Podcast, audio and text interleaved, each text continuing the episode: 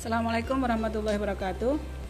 Siang hari ini kita akan mulai kuliah pertama kita eh, psikologi perkembangan rentang kehidupan manusia 1 14 eh, pertemuan dengan dua SKS.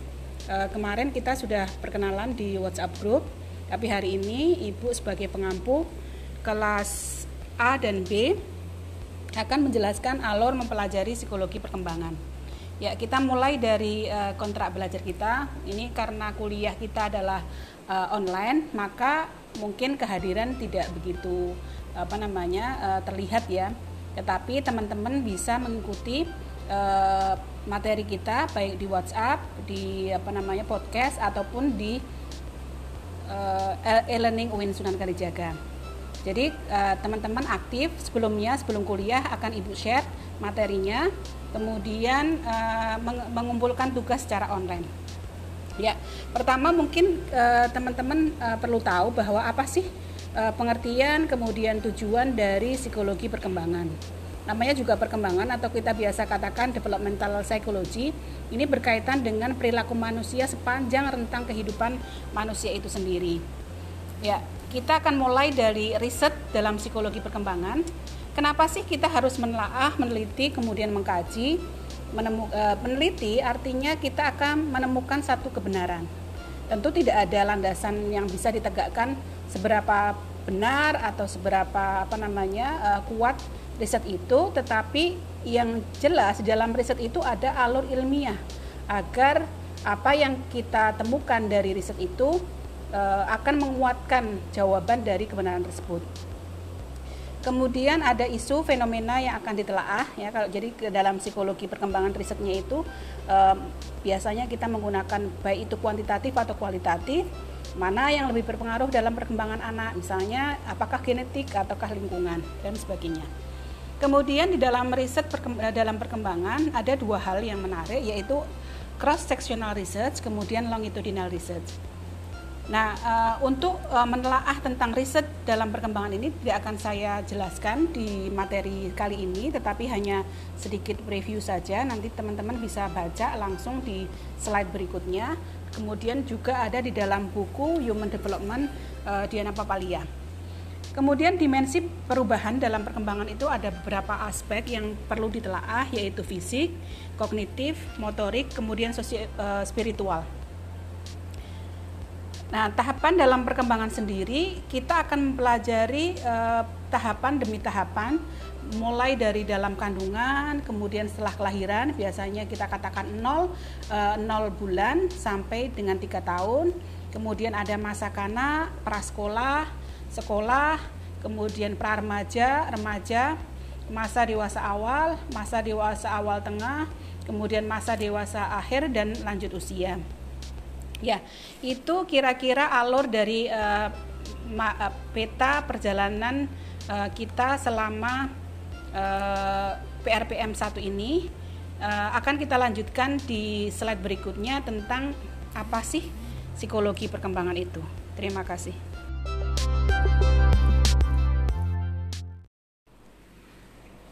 Oke, teman-teman sekalian, kita akan mulai masuk ke materi utama kita yaitu pengantar psikologi rentang perkembangan manusia di pertemuan satu ini. Ada sedikit uh, apa namanya poin yang harus kita diskusikan yaitu di jeda awal supaya teman-teman nanti bisa jawab di grup. Kenapa sih atau apa yang teman-teman pahami tentang psikologi apa yang terbersit jika kita belajar psikologi perkembangan atau developmental psychology? Kemudian cakupan apa yang ada dalam psikologi perkembangan? Coba berikan contoh. Ya, nanti kita akan diskusi di apa namanya? di grup. Sebelumnya mari kita masuk ke sebetulnya apa sih psikologi perkembangan? Jadi, psikologi perkembangan itu adalah proses psikologis yang terkait dengan perkembangan manusia sejak masa konsepsi sampai lanjut usia atau jelang kematian. Nah, ini adalah studi ilmiah tentang proses perubahan dan stabilitas selama rentang kehidupan manusia. Konsep perkembangan sendiri kita coba kita lihat anak yang usianya dua bulan. ada empat bulan atau enam bulan atau 12 bulan apa apa yang mereka lakukan apa bedanya di antara uh, rentang itu kemudian uh, apakah teman-teman pernah melihat bayi di usia yang sama misalnya sama-sama uh, dua bulan pernah nggak mereka itu bergerak dengan cara yang berbeda? Atau apakah mereka itu sama? Punya cara bergerak atau punya uh, perilaku yang sama? Nah jadi dalam konsep perkembangan itu ada yang namanya kuantitatif dan kualitatif. Baik itu yang kita apa namanya, yang kita sorot dari fisiknya atau motoriknya, sosioemosionalnya ataupun kognitif. Nah, sekarang kita lihat uh, tentang uh, perkembangan itu sendiri. Jadi uh, menjelaskan tentang perkembangan manusia ini ini berkaitan dengan usia. Kemudian ada perubahan kualitatif Kemudian ada reorganisasi, uh, reorganisasi uh, perilaku. Nah, perkembangan normatif sendiri adalah perubahan general dalam suatu waktu perkembangan uh, dalam perkembangan individu tersebut. Nah, sekarang kita akan lihat uh, framework untuk memahami perkembangan itu sendiri. Jadi pandangan hereditas dan lingkungan uh, itu uh, itu bisa berpengaruh pada atau mempengaruhi dalam perkembangan kemudian uh, apa, kapan berpengaruh dan bagaimana mempengaruhi perkembangan atau kira-kira mana yang lebih dominan? Uh, apakah genetik atau lingkungan yang mempengaruhi, perkembangan individu? Nah sekali lagi dari situ kita akan melihat bahwa uh, ternyata perkembangan ini panjang gitu loh. Tidak berhenti dari uh, satu titik usia saja tetapi kita melihat perkembangan itu adalah sepanjang rentang kehidupan manusia. Maka psikologi itu memberikan apa namanya il ilmu yang sangat positif ketika memandang perilaku manusia. Saat ini dia begini, tetapi bisa jadi esok hari atau mungkin seminggu kemudian dia akan berubah gitu ya. Nah, konsep uh, memandang perkembangan sebagai proses yang seumur hidup itu dapat dipelajari secara ilmiah. Maka perkembangan itu bisa mulai dari anak dari waktu ke waktu coba kita lihat anak itu tidak ada yang uh, hari ini seperti ini sama dengan hari esok. Atau mungkin pagi dia begini gitu ya mempunyai perilaku seperti ini sore hari dia sudah berubah. Kenapa kok seperti itu? Itulah perkembangan. Jadi uh, satu proses yang panjang bahkan seumur hidup ya. Kemudian ada empat tujuan ilmiah dalam pelajari psikologi rentang kehidupan manusia. Yang pertama uh, misalnya kita bisa mendeskripsikan kapan anak itu mulai bisa bicara Kemudian kita bisa juga menjelaskan apa sih penyebabnya. Kenapa anak A bisa bicara pada usia satu tahun, tetapi si B dia bisa bicara atau mulai berbicara pada usia tiga atau empat tahun, gitu ya. Kira-kira apa yang mempengaruhi kasus si A yang atau anak yang yang mulai berbicara pada usia satu tahun? Kenapa kok ada yang terlambat? Baru usia empat tahun dia baru bisa apa namanya eh, berbicara. Kemudian di dalam eh, apa namanya eh, mempelajari rentang kehidupan manusia juga kita bisa memprediksi kira-kira perlakuan yang seperti ini anak akan seperti apa gitu ya. Apakah pola asuh ini berpengaruh pada si anak? Kemudian sehingga kita bisa memprediksi kalau apa namanya kalau anak ini diberikan stimulasi yang seperti ini dia akan seperti itu gitu ya. Jadi eh, ini kita bisa prediksikan. Kemudian ketika sudah menjadi satu perilaku ya kita akan lihat anak-anak yang bermain.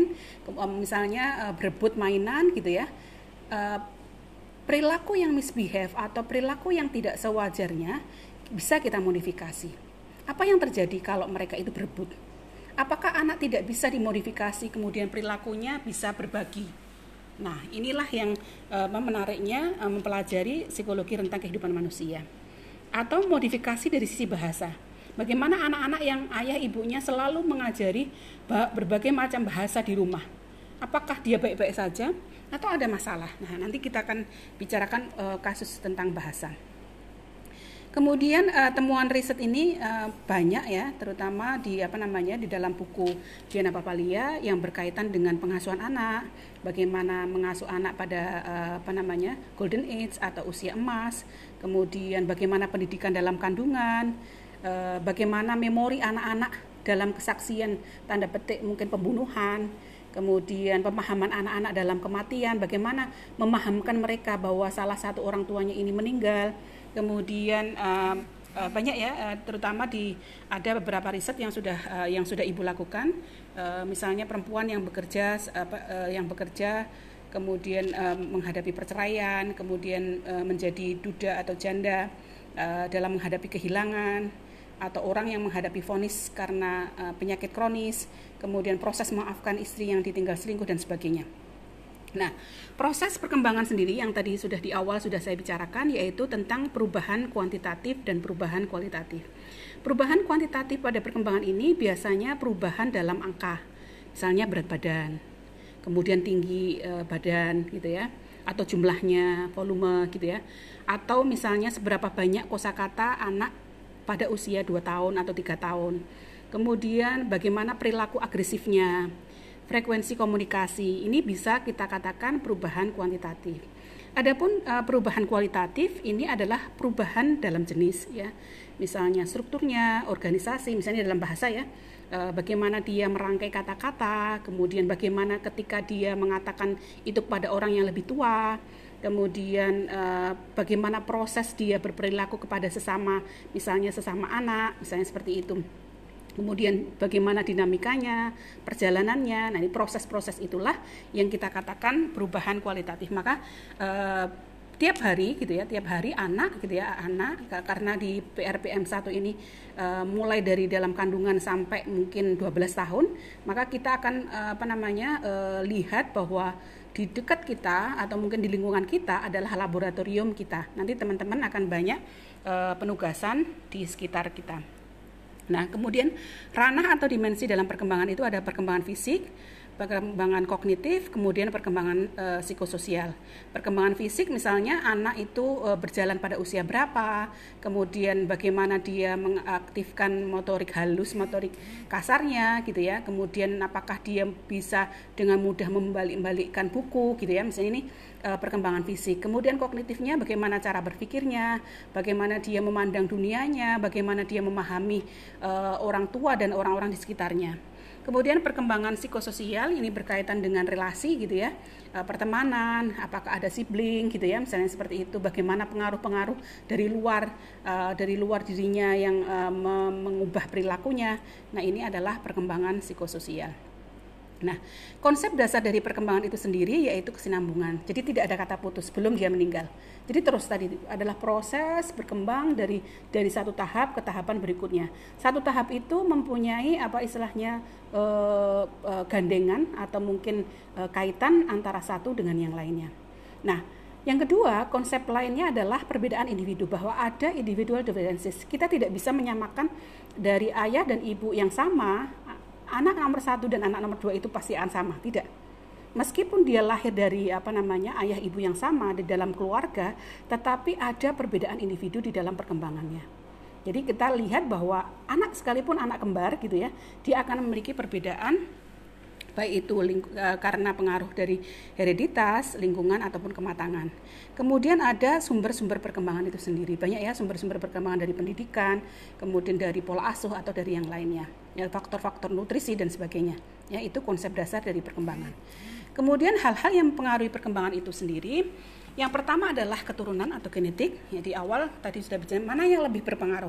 Apakah itu keturunan atau genetik, lingkungan ataupun kematangan. Ini yang sangat uh, kita lihat. Jadi uh, teman-teman nanti kita akan pelajari bagaimana proses misalnya uh, janin itu berkembang di uh, di dalam uh, di dalam kandungan gitu ya di dalam kandungan bagaimana kontribusi orang tua itu berpengaruh pada janin tersebut kemudian ketika uh, pasca lahir gitu ya pasca lahir lingkungan nanti yang akan uh, memberikan kontribusi banyak ya uh, yang selanjutnya adalah kematangan itu sendiri nah Kenapa sih perkembangan awal ini lebih kritis daripada perkembangan selanjutnya?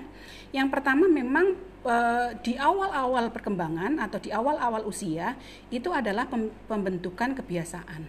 Ya, jadi kita sudah lihat bahwa misalnya bayi ketika popok itu basah kemudian segera diganti, ditukar, ketika dia panas apa namanya panas segera orang tuanya itu mengganti bajunya. Atau ketika dia membutuhkan ASI e, segera orang tuanya ini adalah pembentukan kebiasaan. sehingga uh, kita lihat bahwa anak merasa nyaman, anak bisa tidur nyenyak, kemudian anak bisa bermain dengan baik ya. Kemudian yang kedua, di awal perkembangan itu sendiri juga anak mudah untuk belajar. Sehingga stimulasi dari orang tua sangat diperlukan. Misalnya, um, jadi ketika anak-anak itu belum bisa mengatakan sesuatu, tetapi orang tuanya selalu menstimulasi. Ketika akan mengganti popok, aduh sayang, ayo sini ganti popok dulu, kamu ngompol ya, ayo mandi dan sebagainya. Nah, ini adalah uh, bagaimana orang tua sudah memberikan uh, stimulasi agar dia mudah untuk belajar. Kemudian uh, yang selanjutnya yaitu proses perkembangan dan pertumbuhan itu sangat pesat. Jadi di dalam perkembangan itu ada proses yang cukup pesat di awal-awal itu ya. Makanya kita katakan tiga tahun awal anak-anak usia 0 sampai tiga tahun ini adalah golden age, masa yang paling baik untuk menstimulasi segala macam, gitu ya. Karena proses perkembangannya luar biasa gitu ya. Sehingga tidak hanya stimulasi uh, mungkin secara materi apa uh, secara materi saja nutrisi kepada anak tetapi juga menstimulasi misalnya dari sisi bahasa kebiasaan kemudian mungkin juga stimulasi uh, stimulasi yang lainnya. Yang terakhir adalah di awal-awal perkembangan itu sendiri menjadi fondasi perilaku selanjutnya.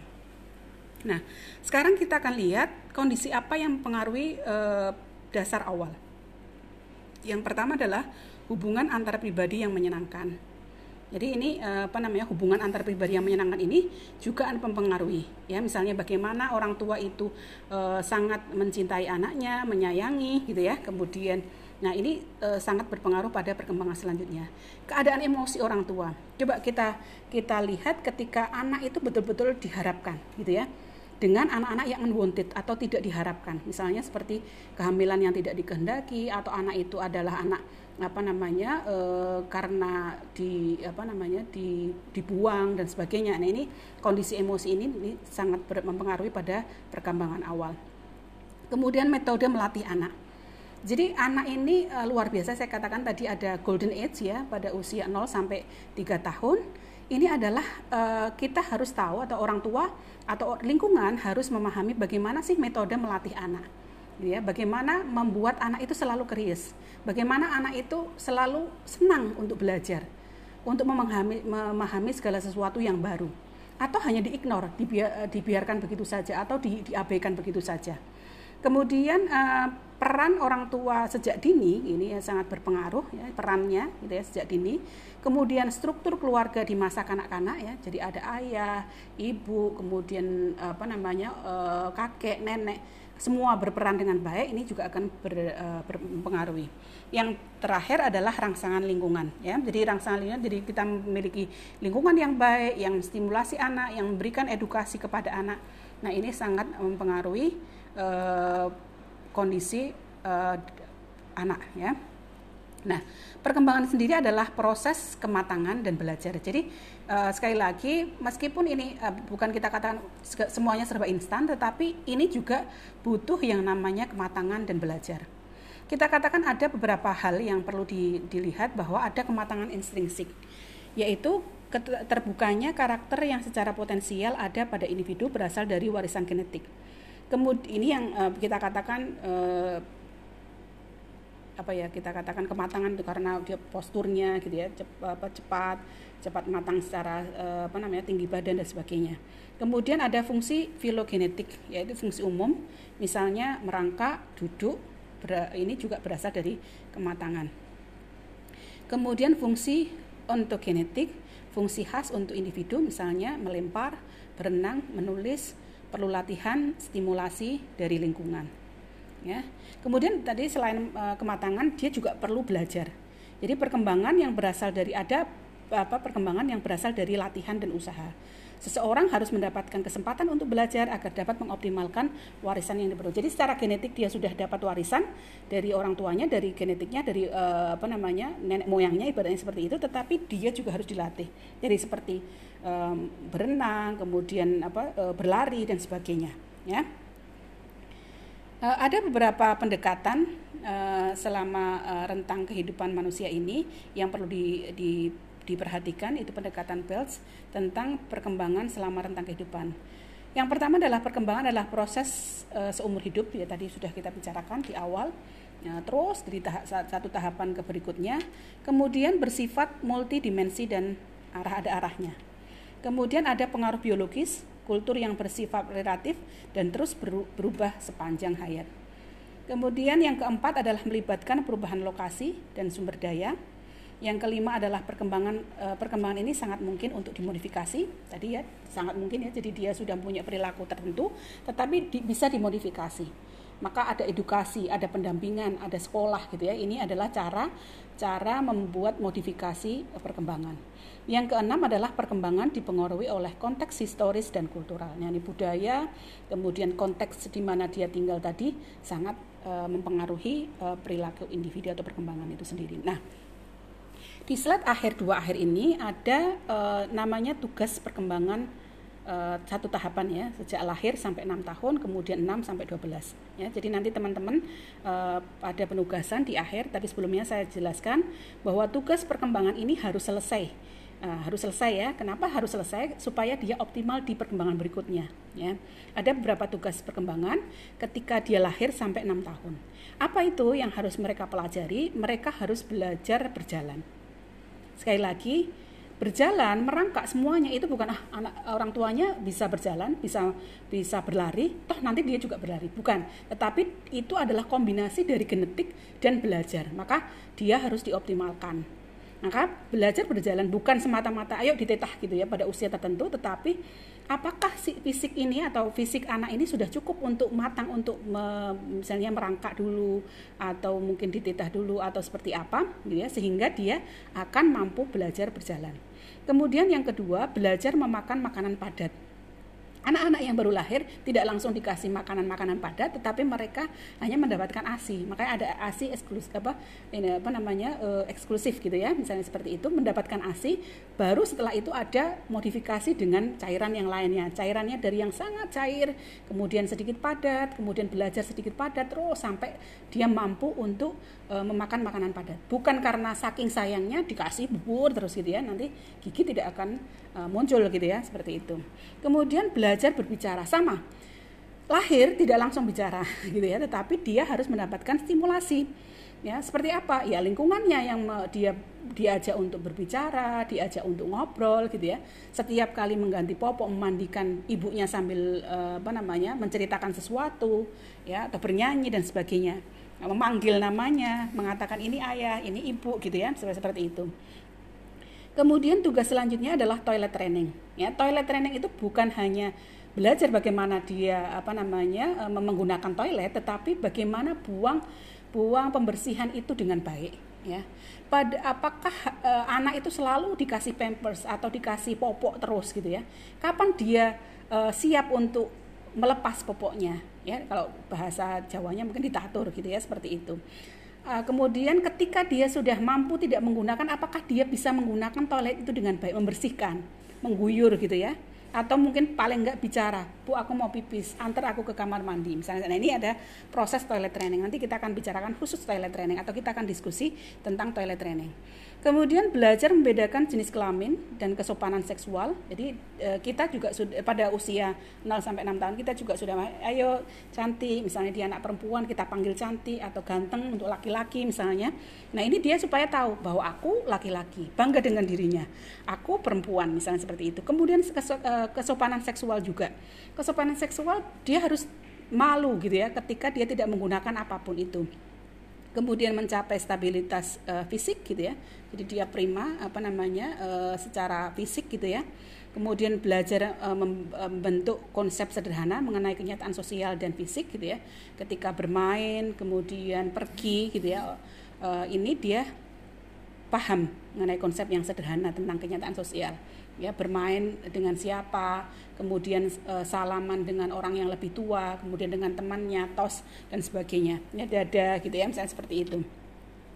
Kemudian belajar berhubungan secara emosional dengan orang tua, saudara dan orang lain. Nah, hubungan secara uh, emosional ini sebetulnya sudah dididik sejak sejak kecil bahwa anak itu membutuhkan kasih sayang. Maka ketika dia nangis, deketin apa enggak? Gitu. Ketika dia mem, apa namanya? Ketika dia kepanasan atau ketika dia butuh minum, apakah orang tuanya segera ini kan sudah secara secara emosional itu sudah ada kelekatan gitu ya. Nah, sampai saatnya ketika dia sudah bisa berjalan, berhubungan dengan orang lain, ini sama apakah ketika dia pergi keluar kemudian orang tuanya sini sini sayang misalnya ayo salim dulu misalnya ini ada tamu misalnya gitu atau ini ini saudaramu misalnya dan sebagainya. Kemudian sayang dan sebagainya. Ini uh, apa namanya uh, belajar berhubungan secara emosional ya dengan orang tua ataupun orang lain. Kemudian uh, pada usia itu juga dia harus belajar membedakan benar dan salah menggunakan nalurinya. Meskipun anak-anak tetap diajari konsep benar atau salah bukan oh biar aja gitu ya. Segalanya boleh gitu ya. Namanya juga masih anak-anak. Enggak tetapi ketika dia loncat-loncat di atas kursi maka kita tanya kursi untuk apa? Untuk duduk kan? Ayo kita duduk di kursi. Kalau mau loncat di mana? Di atas lantai. Misalnya seperti jadi dia tahu bahwa kursi itu untuk duduk bukan untuk loncat-loncat. Ketika dia pengen loncat-loncat maka dia akan turun ke bawah di lantai dia akan eh, apa namanya dia akan paham kemudian menggunakan nalurinnya misalnya e, ibunya membersihkan. Kan ada anak yang me merusak lagi atau me membuat apa namanya berserakan misalnya. Oke tadi kamu keluarkan semua mainannya coba sekarang dikembalikan. Supaya apa? Supaya paham. Tuh bibi sudah masukkan semua mainannya coba sekarang dimasukkan kembali. Nah ini adalah tugas perkembangan sejak lahir sampai enam tahun. Yang uh, selanjutnya uh, ada tugas perkembangan 6 tahun sampai 12 tahun. Apa itu? Nah, yang pada usia 6 sampai 12 tahun ini juga akan tadi kita katakan bahwa semua tahapan apa tugas perkembangan tadi harus selesai. Apa yang terjadi ketika tidak selesai? Jadi, ketika 6 tahun dia tidak bisa menggunakan atau tidak belajar toilet training, maka dia punya hambatan pada usia 6 tahun berikutnya. Kenapa? Karena ada tugas yang lebih banyak lagi dia sudah tidak berkutat lagi masalah kotoran ataupun tentang BAB dan sebagainya. Dia sudah selesai, toilet trainingnya sudah beres. Maka pada 6 tahun sampai 12 tahun ini dia akan belajar kecakapan fisik untuk bermain gitu ya. Jadi fisiknya sudah oke, sudah ngerti menempatkan diri, maka dia akan bermain dengan kawan-kawannya dengan mudah. Selanjutnya, membangun sikap menyeluruh terhadap diri sendiri sebagai organisme yang tumbuh, gitu ya. Jadi dia sudah sangat-sangat percaya diri, gitu ya untuk bermain, bergabung dengan yang lain, permainan ini, permainan ini, mencoba ini, mencoba itu gitu ya. Kemudian belajar bergaul dengan teman sebayanya. Ya, tadi kita juga sudah tahu konsep-konsep benar salah dan sebagainya, sudah paham, dia akan mudah untuk bergaul dengan yang lainnya. Kemudian belajar memainkan peran pria wanita sesuai. Tadi ketika dia sudah tahu malu, sudah dikenalkan tentang uh, gendernya, dia juga akan memainkan perannya. Kalau laki-laki itu seperti apa? Kalau perempuan itu seperti apa? Karena dia sudah sudah paham gitu ya seperti itu. Kemudian mengembangkan kecakapan dasar seperti membaca menulis berhitung gitu ya. Bahkan ini sebelum enam tahun dia sudah mulai disimulasi dan pada enam tahun ini kecakapannya akan bertambah gitu ya. Dia membutuhkan bacaan dia akan menulis sesuatu dia akan mulai berhitung dan sebagainya Kemudian mengembangkan konsep yang diperlukan sehari-hari. Konsep ke, dalam kehidupan sehari-hari itu berbagi, memaafkan gitu ya. E, dan e, apa namanya? dan sebagainya ya untuk untuk baik, baik itu pergaulan ataupun hal-hal yang berkaitan dengan orang lain ya semakin dia akan semakin lihai pada usia 6 sampai 12 tahun ini. Nah, konsep ini diperlukan e, dalam sehari-hari. Kemudian mengembangkan nurani, moralitas, e, skala nilai ya, karena sekali lagi anak-anak itu e, istilahnya sekolah pertama itu adalah keluarga, maka keluarga ini harus menjelaskan tentang nilai-nilai tadi. Nilai-nilai tadi ini digunakan untuk ketika dia keluar rumah, ya. Kemudian mencapai kemandirian pribadi, ya, dia sangat mandiri, dia bisa melakukan ini itu mendapatkan apresiasi dan sebagainya. Kemudian yang terakhir membentuk sikap terhadap keluarga, lembaga sosial. Dia paham keluarga ayahnya itu sebagai apa, ibunya sebagai apa, dia bangga punya keluarga seperti itu. Kemudian dia punya tahu agamanya, mungkin dia akan paham saya Islam, saya harus seperti apa. Kemudian saya mengenakan ini, saya mengenakan itu, saya harus um, melakukan apa namanya ibadah dan sebagainya. Ini sudah ada pembentukan sikap terhadap keluarga ataupun lembaga. Ya, saya kira untuk pertemuan kali ini cukup. Akan kita lanjutkan diskusi uh, via WhatsApp ya. Untuk itu uh, dan tugasnya mungkin akan uh, berlanjut. Untuk itu teman-teman boleh bertanya atau kita diskusikan di dalam grup WhatsApp. Terima kasih. Assalamualaikum warahmatullahi wabarakatuh.